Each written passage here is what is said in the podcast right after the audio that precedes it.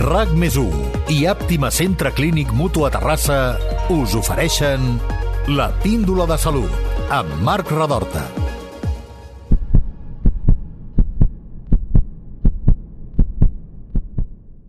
Si no ens sentim bé amb nosaltres mateixos, patim inseguretat. I la inseguretat deriva en pors, timidesa, acomplexaments i problemes de socialització entre molts d'altres. És important sentir-nos bé. I per aconseguir-ho hi ha diferents camins. I un dels que pot ajudar és el de la cirurgia estètica.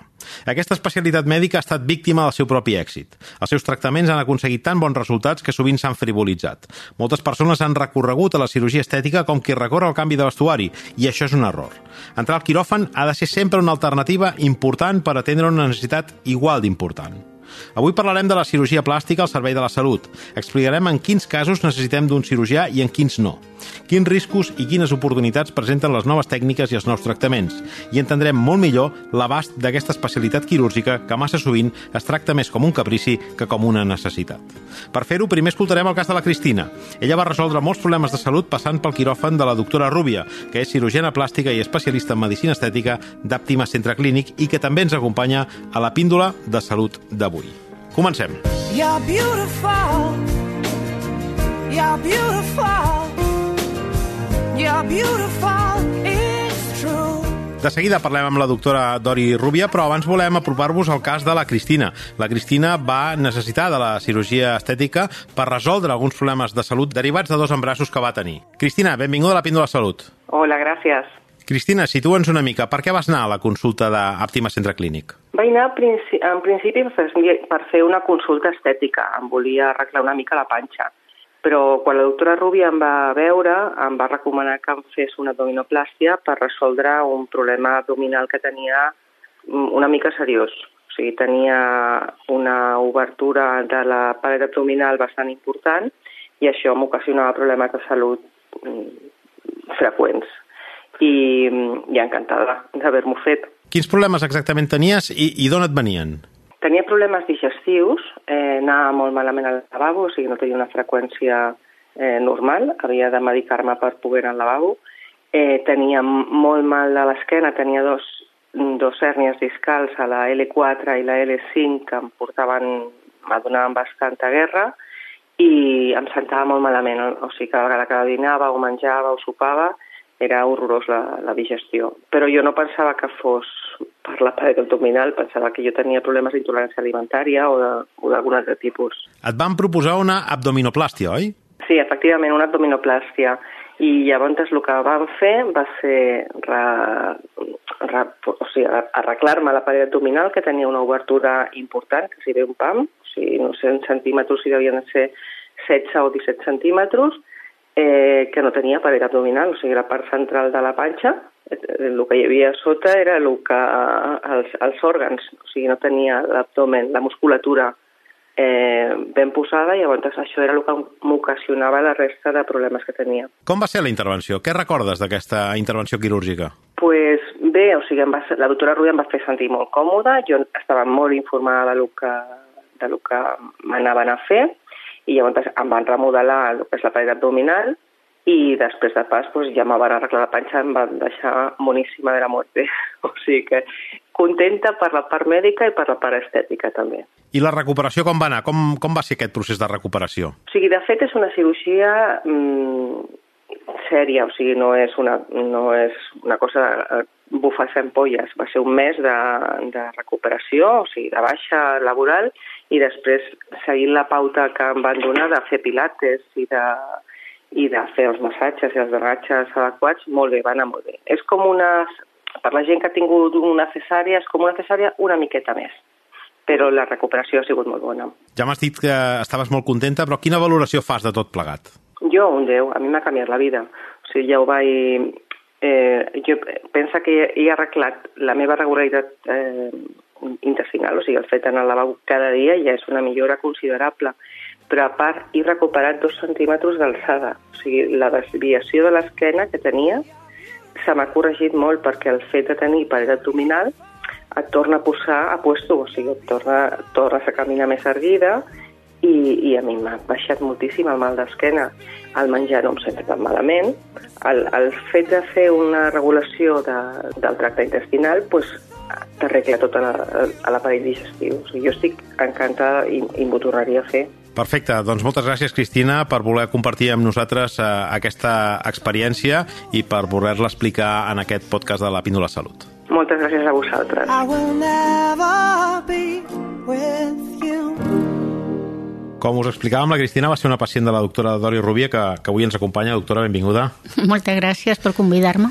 Eh, recorda aquest cas? Sí, sí, perfectament. És un cas d'una noia que, com la majoria, pues, va arribar a la consulta per un problema doncs, més aviat, segons ella, estètic, considerava, per una flàcida a la panxa, després d'haver tingut dos embarassos, un d'ells un embaràs gemelar, que és el que fa més mal, diguem, el que és la paret abdominal. De bessons, no? De bessons, sí. Uh mhm. -huh. eh? I a l'hora d'explorar-la, doncs, a part de veure veure aquesta flacidesa de la pell que quedava una mica despenjada, doncs vaig veure també que hi havia el que es diu una diàstasis de paret abdominal que és quan la musculatura abdominal, en lloc d'estar unida el que és al, al centre, llavors es separa eh, per la tensió que hi ha hagut durant els embarassos. I aquesta separació muscular és el que crea una gran debilitat muscular, amb la qual, com molt bé explica la Cristina, doncs hi ha un problema de trànsit intestinal perquè no es, fo, no es pot fer bé el que és la pressió de la paret abdominal hi ha mal d'esquena, que de vegades, moltes vegades no s'associa aquest problema, i és perquè com que amb els abdominals no es poden fer força, llavors tota la força per estar de peu, per caminar, per córrer, per seure, es carrega a les lumbars, i després hi ha un tema que la Cristina no ha comentat, però que també és molt freqüent, que moltes incontinències urinàries són degudes també amb aquesta debilitat de la paret muscular, perquè llavors quan intentem fer força amb la musculatura perineal, com que la musculatura abdominal falla, llavors no podem fer aquesta contenció. Eh? Llavors, si reparem aquesta paret abdominal, ja no només és estètica, sinó que estem millorant el trànsit intestinal, estem millorant la postura, estem descarregant les lumbars i estem millorant el que és la musculatura musculatura perineal amb aquestes incontinències urinàries que moltes vegades són de difícil solució. I a més entenc que aquest és un cas que pràcticament només es pot resoldre així. És a dir, els, els embrassos és evident que donen la panxa, et vinc a dir que, que uh mhm. -huh. evidentment s'estiren els teixits i, i sí. després jo entenc que en un embràs normal més o menys es poden tornar més o menys a lloc amb algun tipus d'exercici, però en un cas com aquest o passes pel quiròfan o, o no tornes a l'estadi previ, no? Sí. El, de, de l'embràs. Evidentment eh? perquè és com si la musculatura doncs, estigués trencada amb aquesta línia mitja. Llavors, per molts abdominals que intentis fer, per molts hipopressius, per moltes tècniques de, de reforçament muscular que intentis fer, la musculatura està separada en aquest punt. Llavors, al contrari, el que moltes vegades eh, al fer, a intentar potenciar aquesta musculatura, que es provoquen són problemes d'hèrnies o problemes de ventració, forçant aquesta línia mitja on falla aquesta musculatura. Uh -huh. eh, a Espanya, just abans de la pandèmia, es feien aproximadament unes 400.000 intervencions de cirurgia estètica cada any, que no són poques, no, no són poques. Això són més de 1.000 al dia. Quines són les més freqüents?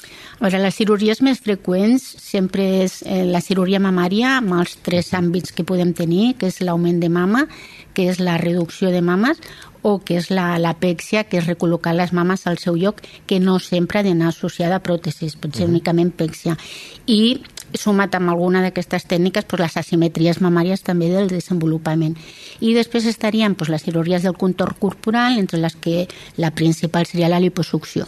Uh -huh. uh, Explica'm una mica exactament uh, aquestes dues, l'augment de pits i la liposucció són les dues més practicades. Uh -huh. uh, quins beneficis tenen per la salut?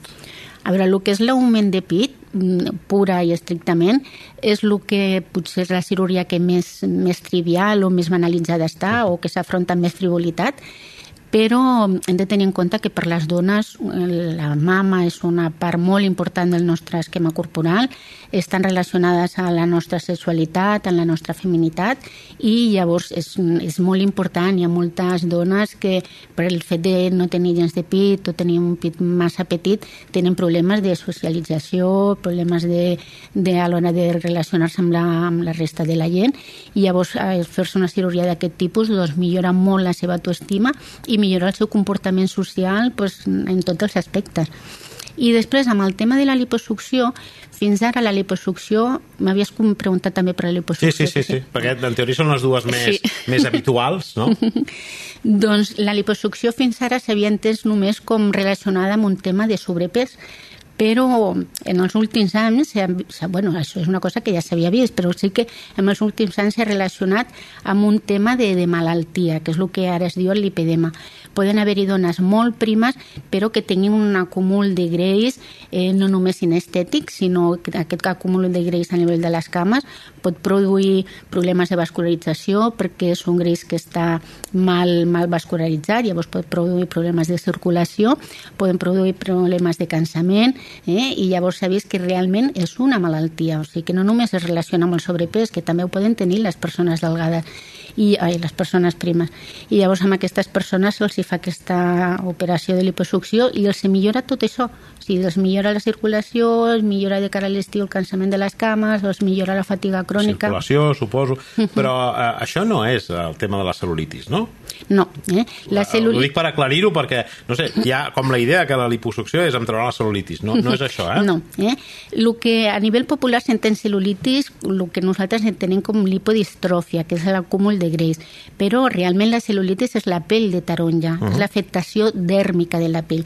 I llavors per la cel·lulitis els tractaments indicats són els tractaments de medicina estètica, uh -huh. eh? són la radiofreqüència, els ultrasons, són la diatèrmia, no és la cirurgia. Eh? El que és la liposucció és remodelació de contorn corporal i el que fem és extreure aquest greix que està mal vascularitzat i que està dipositat en aquestes zones. En zones molt concretes. I em Exacte. deies també, fora de micròfon, tot sigui dit, però ara ho comentem, que també els homes es fan liposuccions. Sí. És a dir, que això no és un aspecte estrictament femení, eh? No, eh? cada vegada més, i a més homes també que es fan liposucció abdominal, liposucció de la papada, liposucció dels braços que pot ser que això sí, que les dones s'acumulin en uns punts més habitualment diferents dels que s'acumulen en els homes, no? Sí. Aquests greixos. Sí, sí, sí. Genèticament, a les dones, doncs, aquell cúmul de greix normalment és a nivell de les cames, a nivell de les caderes, i amb els homes, doncs, és a nivell de la panxa, a nivell dels costats, el que uh -huh. diem els flancs. Eh, entrar a un quiròfan no, no és cap broma, no. tu saps millor que ningú. Eh, hi ha casos en els que no calguin aquestes intervencions i es desaconsellin des d'un punt de vista mèdic? Sí. Eh? A veure, l'important per fer aquest tipus d'intervencions, estem parlant d'intervencions que són electives, amb el sentit de que no són intervencions urgents, llavors es poden planificar amb tota la seguretat. Llavors, l'important és que el pacient estigui bé. Això no vol dir que no pugui tenir patologies, o sigui, un pacient pot tenir l'atenció alta o sigui, ser hipertens, però l'important és que tingui l'atenció controlada. Un pacient pot ser diabètic, això no és una contraindicació, però l'important és que tingui el sucre controlat o un pacient pot tenir un problema de tiroides, però l'important és que ho tingui controlat. O sigui, que les seves malalties estiguin ben controlades. Llavors, quan no està indicat fer una cirurgia estètica? No està indicat doncs, quan realment no hi ha una alteració de, de, corporal. O sigui, hi ha persones eh, que realment consulten, doncs ara està molt de moda eh, el que és les parpelles, la parpella superior, llavors la intervenció de les parpelles és quan sobra pell, llavors difícilment a una persona d'entre 20 i 30 anys li sobra pell d'aquesta zona, llavors en aquests casos no estaria indicada la cirurgia. No està indicada la cirurgia quan en un preoperatori, per exemple, hem vist una alteració, eh? una alteració pues, de la coagulació amb les proves que fem, llavors s'ha de posposar la cirurgia fins que això s'ha acabat d'estudiar i després eh, també no està indicada la cirurgia per aprimar-se. O sigui, les cirurgies estètiques no són cirurgies per perdre pes. De vegades venen els pacients a consulta i jo el primer que sempre els pregunto és què voldries millorar, què és el que em vols consultar. Llavors, quan un pacient et diu que vol perdre pes, això no és. O sigui, la cirurgia estètica és per remodelar el que és el contorn corporal. El pes pues, s'ha de perdre amb una bona dieta, amb una bona nutrició, amb exercici o amb cirurgies indicades per perdre pes, com és la cirurgia bariàtrica. Sí, vam fer, vam fer una píndola eh, específicament sobre la cirurgia bariàtrica, que bueno, vam, vam, vam, ens van explicar que era per casos bastant extrems, exacte, diríem, eh, no per perdre uns quilets, sinó exacte. que era per algun problema de salut ja més greu i que, i que era aconsellable però a partir de, a partir d'un límit, no? Sí, I, que, sí, sí. i que en tot cas, si, si et sobren uns quilets, el que has de fer és més dieta exercici i, exercici. i menjar millor. Eh? Eh? Doncs uh, igual. I perdona una cosa, sí, sí. i una altra contraindicació molt important per molts tipus de cirurgies és el tabac. O sigui, pacients que siguin molt fumadors se'ls ha de recomanar que deixin de fumar abans de segons quin tipus d'intervenció perquè eh, hi ha molta remodelació dels teixits i llavors si continuen fumant amb un nivell molt alt podem tenir moltes complicacions. I casos d'aquestes persones que potser hem vist, eh, no sé, eh, per la televisió o així, o que coneixem, de que mm, reincideixen. És a dir, vull un augment de pit, però no, no n'he tingut prou, em vull un altre sobre. Això passa? És a dir, i, i estàs... O sigui, fins aquí, com, quin, com ho abordeu, aquests casos, no?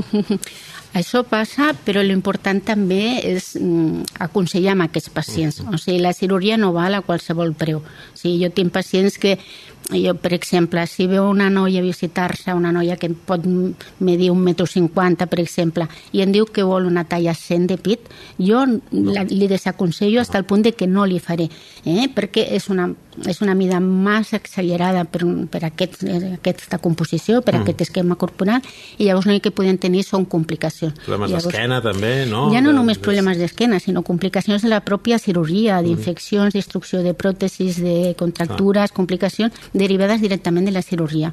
Llavors, per, des del meu punt de vista, la cirurgia estètica és per harmonitzar el cos, llavors no per crear altres patologies. Llavors, jo amb aquestes persones les intento convèncer i, i els desaconsello completament aquest tipus de cirurgies. Perquè per curiositat, eh? perquè evidentment jo desconec aquest àmbit i, i per això eh, t'hem convidat. Um, quan entren a la consulta, o sigui, la, diem que la, l'operació estrella, perquè ens entenguem, la més demandada, és aquest augment de pit. -huh. Què et diuen? Vull el pit més gran o, vull, o t'ensenyo una foto de, de què vull o vull una talla X o, o com, com funciona això? És a dir, Quin és el perfil de, de, de, la, de la consulta? Com, com, com t'ho plantegen habitualment? No, generalment la gent és molt conscient i la gent el que busca és la naturalitat. Va. O sigui, generalment, la gran majoria de la gent el que busca és naturalitat. Exacte. Llavors jo amb les pacients, abans d'entrar realment a la mida que volen, sí. no, pues les estudio, les mido, les mesuro, li pregunto el pes, li pregunto l'alçada, i llavors en funció de tot això jo els aconsello una mida. Eh? I llavors, a I partir d'aquí, normalment es deixen aconsellar. Eh? Llavors, a partir d'aquí, pues, sí que evidentment hi ha pacients que busquen pues, una mica més de... els agradaria una mica més gran, altres mm. pacients que no, que busquen més més natural. Llavors, per això tenim diferents tipus de pròtesis. Però el meu objectiu sempre és aconseguir aquesta naturalitat. Uh -huh, uh -huh. Eh, es detecta amb les dades estadístiques que cada vegada les persones que demanen aquestes intervencions són més joves. Mm. Quina explicació hi ha? A, a partir de quan es poden practicar aquestes intervencions? Uh -huh. Les pacients són cada vegada més joves, però perquè la cirurgia estètica s'ha popularitzat moltíssim. Uh -huh. O sigui, abans estava destinada, només podien arribar a fer-se intervencions de cirurgia estètica doncs, eh, persones d'un nivell socioeconòmic molt alt. Llavors això s'ha popularitzat i són tractaments que també es poden financiar. Eh? Llavors per això també és un camp amb el que la gent més jove també pot accedir. Llavors, l'edat, l'edat no deixa de ser un número. Eh? L'important és que la persona hagi finalitzat el seu desenvolupament, desenvolupament mm -hmm. del seu cos, diguéssim. Sí, acabat de créixer, no? Exacte. I, sobretot, que sigui prou madura per entendre que és una cirurgia que no estem entrant en una perruqueria on canviem el color de cabell, que és una cirurgia i sobretot els, els ha d'explicar molt bé els beneficis que poden tenir i les complicacions que podem tenir amb aquest tipus de cirurgia. Complicacions generals, com qualsevol altra complicació, com pot ser un tema de sagnat o un tema d'infecció, i complicacions particulars en determinat tipus de cirurgia, com són les pròtesis de mama, eh, que poden tenir problemes de contractura capsular, problemes de cicatrització al voltant de la pròtesi. Llavors, la persona ha de ser molt conscient de que està assumint uns riscos, que aquests riscos són els menys possibles, que els tenen controlats, que la majoria es solucionen, però que és una cirurgia. Tu, tu ja fa anys que et dediques a això i no has detectat que les coses ara van com amb, com amb més alegria? Vinc a dir, ho dic, un tatuatge, un piercing, unes agressions a la pell que, mm, evidentment, són legals i es poden fer tot plegat, però que es fan sense gaire reflexió a darrere, no? És com més impulsiu tot plegat. Ho has notat, això? Sí, Sí, sí, sí. Eh, de vegades t'arriba la persona, el pacient a la consulta amb uns imperatius i amb uns desitjos, de, torno a dir, no és lo habitual, lo habitual uh -huh. és que la gent es deixi aconsellar i que busqui la naturalitat, però sí que cada vegada doncs, trobes més aquest perfil del pacient que ja ve com a tot sabut, perquè ja ho ha vist a l'Instagram, perquè ja ho ha vist a les xarxes socials. Exacte. Eh? I llavors busquen o esperen unes expectatives que no li pots oferir amb aquesta clar. cirurgia. Llavors, amb aquests pacients són els que has de dedicar més temps per explicar-li realment el que podem aconseguir i el que no. Uh -huh. Quines, quines altres situacions del cos es poden corregir amb la, amb la cirurgia estètica? Pràcticament tot.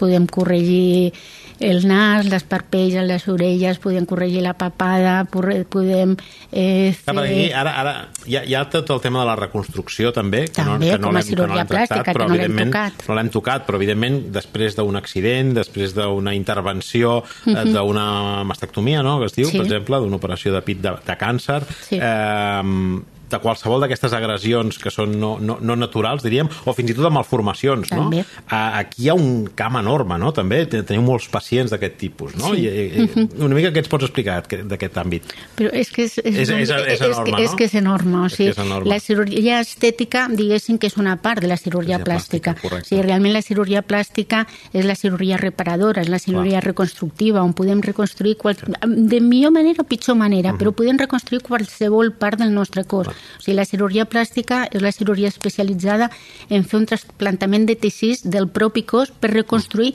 altres zones del Correcte. cos, des d'una laringe fins a un esòfag, fins a una mandíbula, o sigui, podem reconstruir qualsevol part uh -huh. del nostre cos. I llavors la cirurgia estètica és l'aplicació d'aquestes tècniques de cirurgia plàstica amb una cirurgia Clar. estètica. Uh -huh. eh? Llavors, per això podem dir sí, que, sí, és, que sí, és, és una sí, cirurgia general. Uh -huh. O sigui, són més cirurgians generals que els propis cirurgians generals, que ara són més cirurgians moviments abdominals, diguéssim. Comentaves per això aquestes intervencions, no sé, d'orelles, de, de, de nas, que potser són aspectes com molt visibles, no?, de cara, de cara a les persones. Eh, d'orelles, per exemple, és el cas molt evident que veiem a vegades amb, amb canalla, no?, amb nanos, sí. que tenen les orelles relativament separades, no?, uh -huh. i mhm. fan...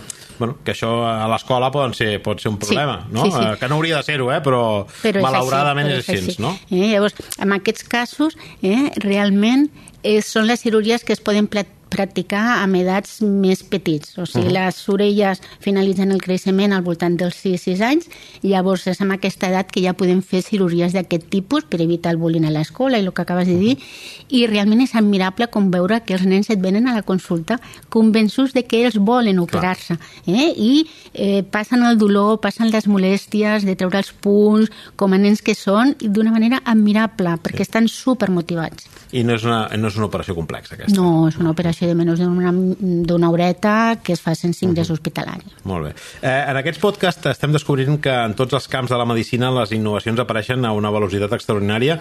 En el cas de la medicina estètica també. Què, què veurem en els propers anys? Què es podrà fer?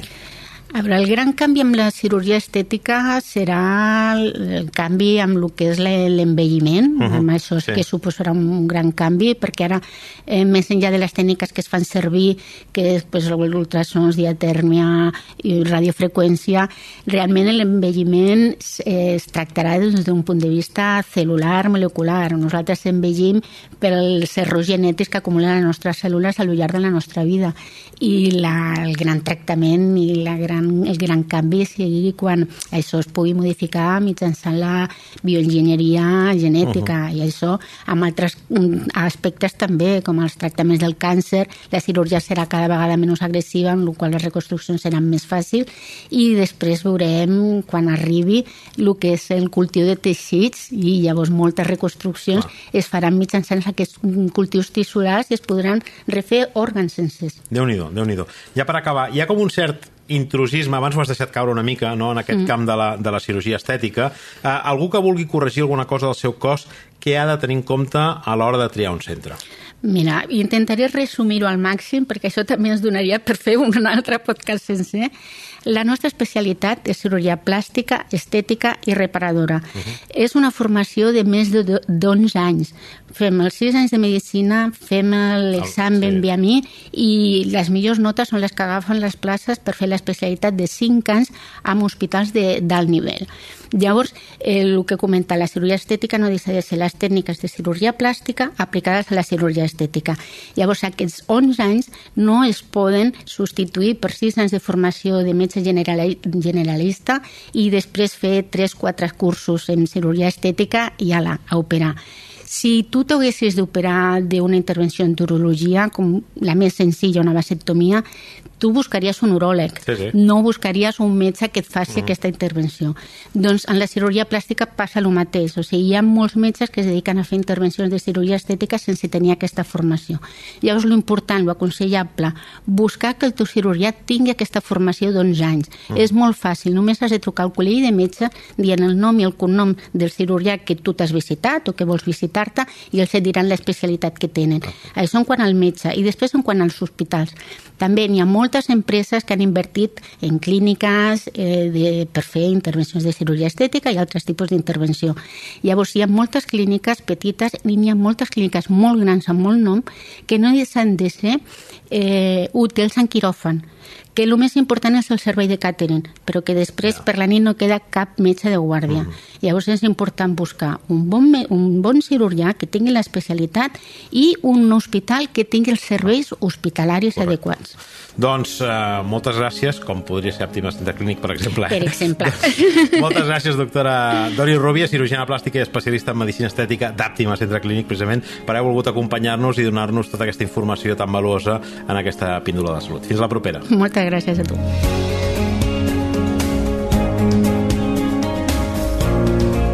La píndola en un minut. La cirurgia estètica és una branca de la cirurgia plàstica que té per objectiu millorar l'aparença del nostre cos i aportar beneficis a la nostra salut. Cada dia a Espanya es fan més de 1.000 intervencions de cirurgia estètica. Les més freqüents són els augments de pit, les liposuccions i les abdominoplàsties. La cirurgia estètica no és recomanable per a tothom. Cal fer un estudi previ rigorós per veure la necessitat exacta del pacient i descartar possibles riscos i complicacions posteriors a la intervenció. En el camp de la cirurgia estètica hi ha força intrusisme professional. És molt important escollir bé l'hospital o la clínica i conèixer el grau d'experiència i formació del doctor o la doctora que farà la intervenció. Aquest professional ha de tenir el títol oficial de metge especialista en cirurgia plàstica, estètica i reparadora.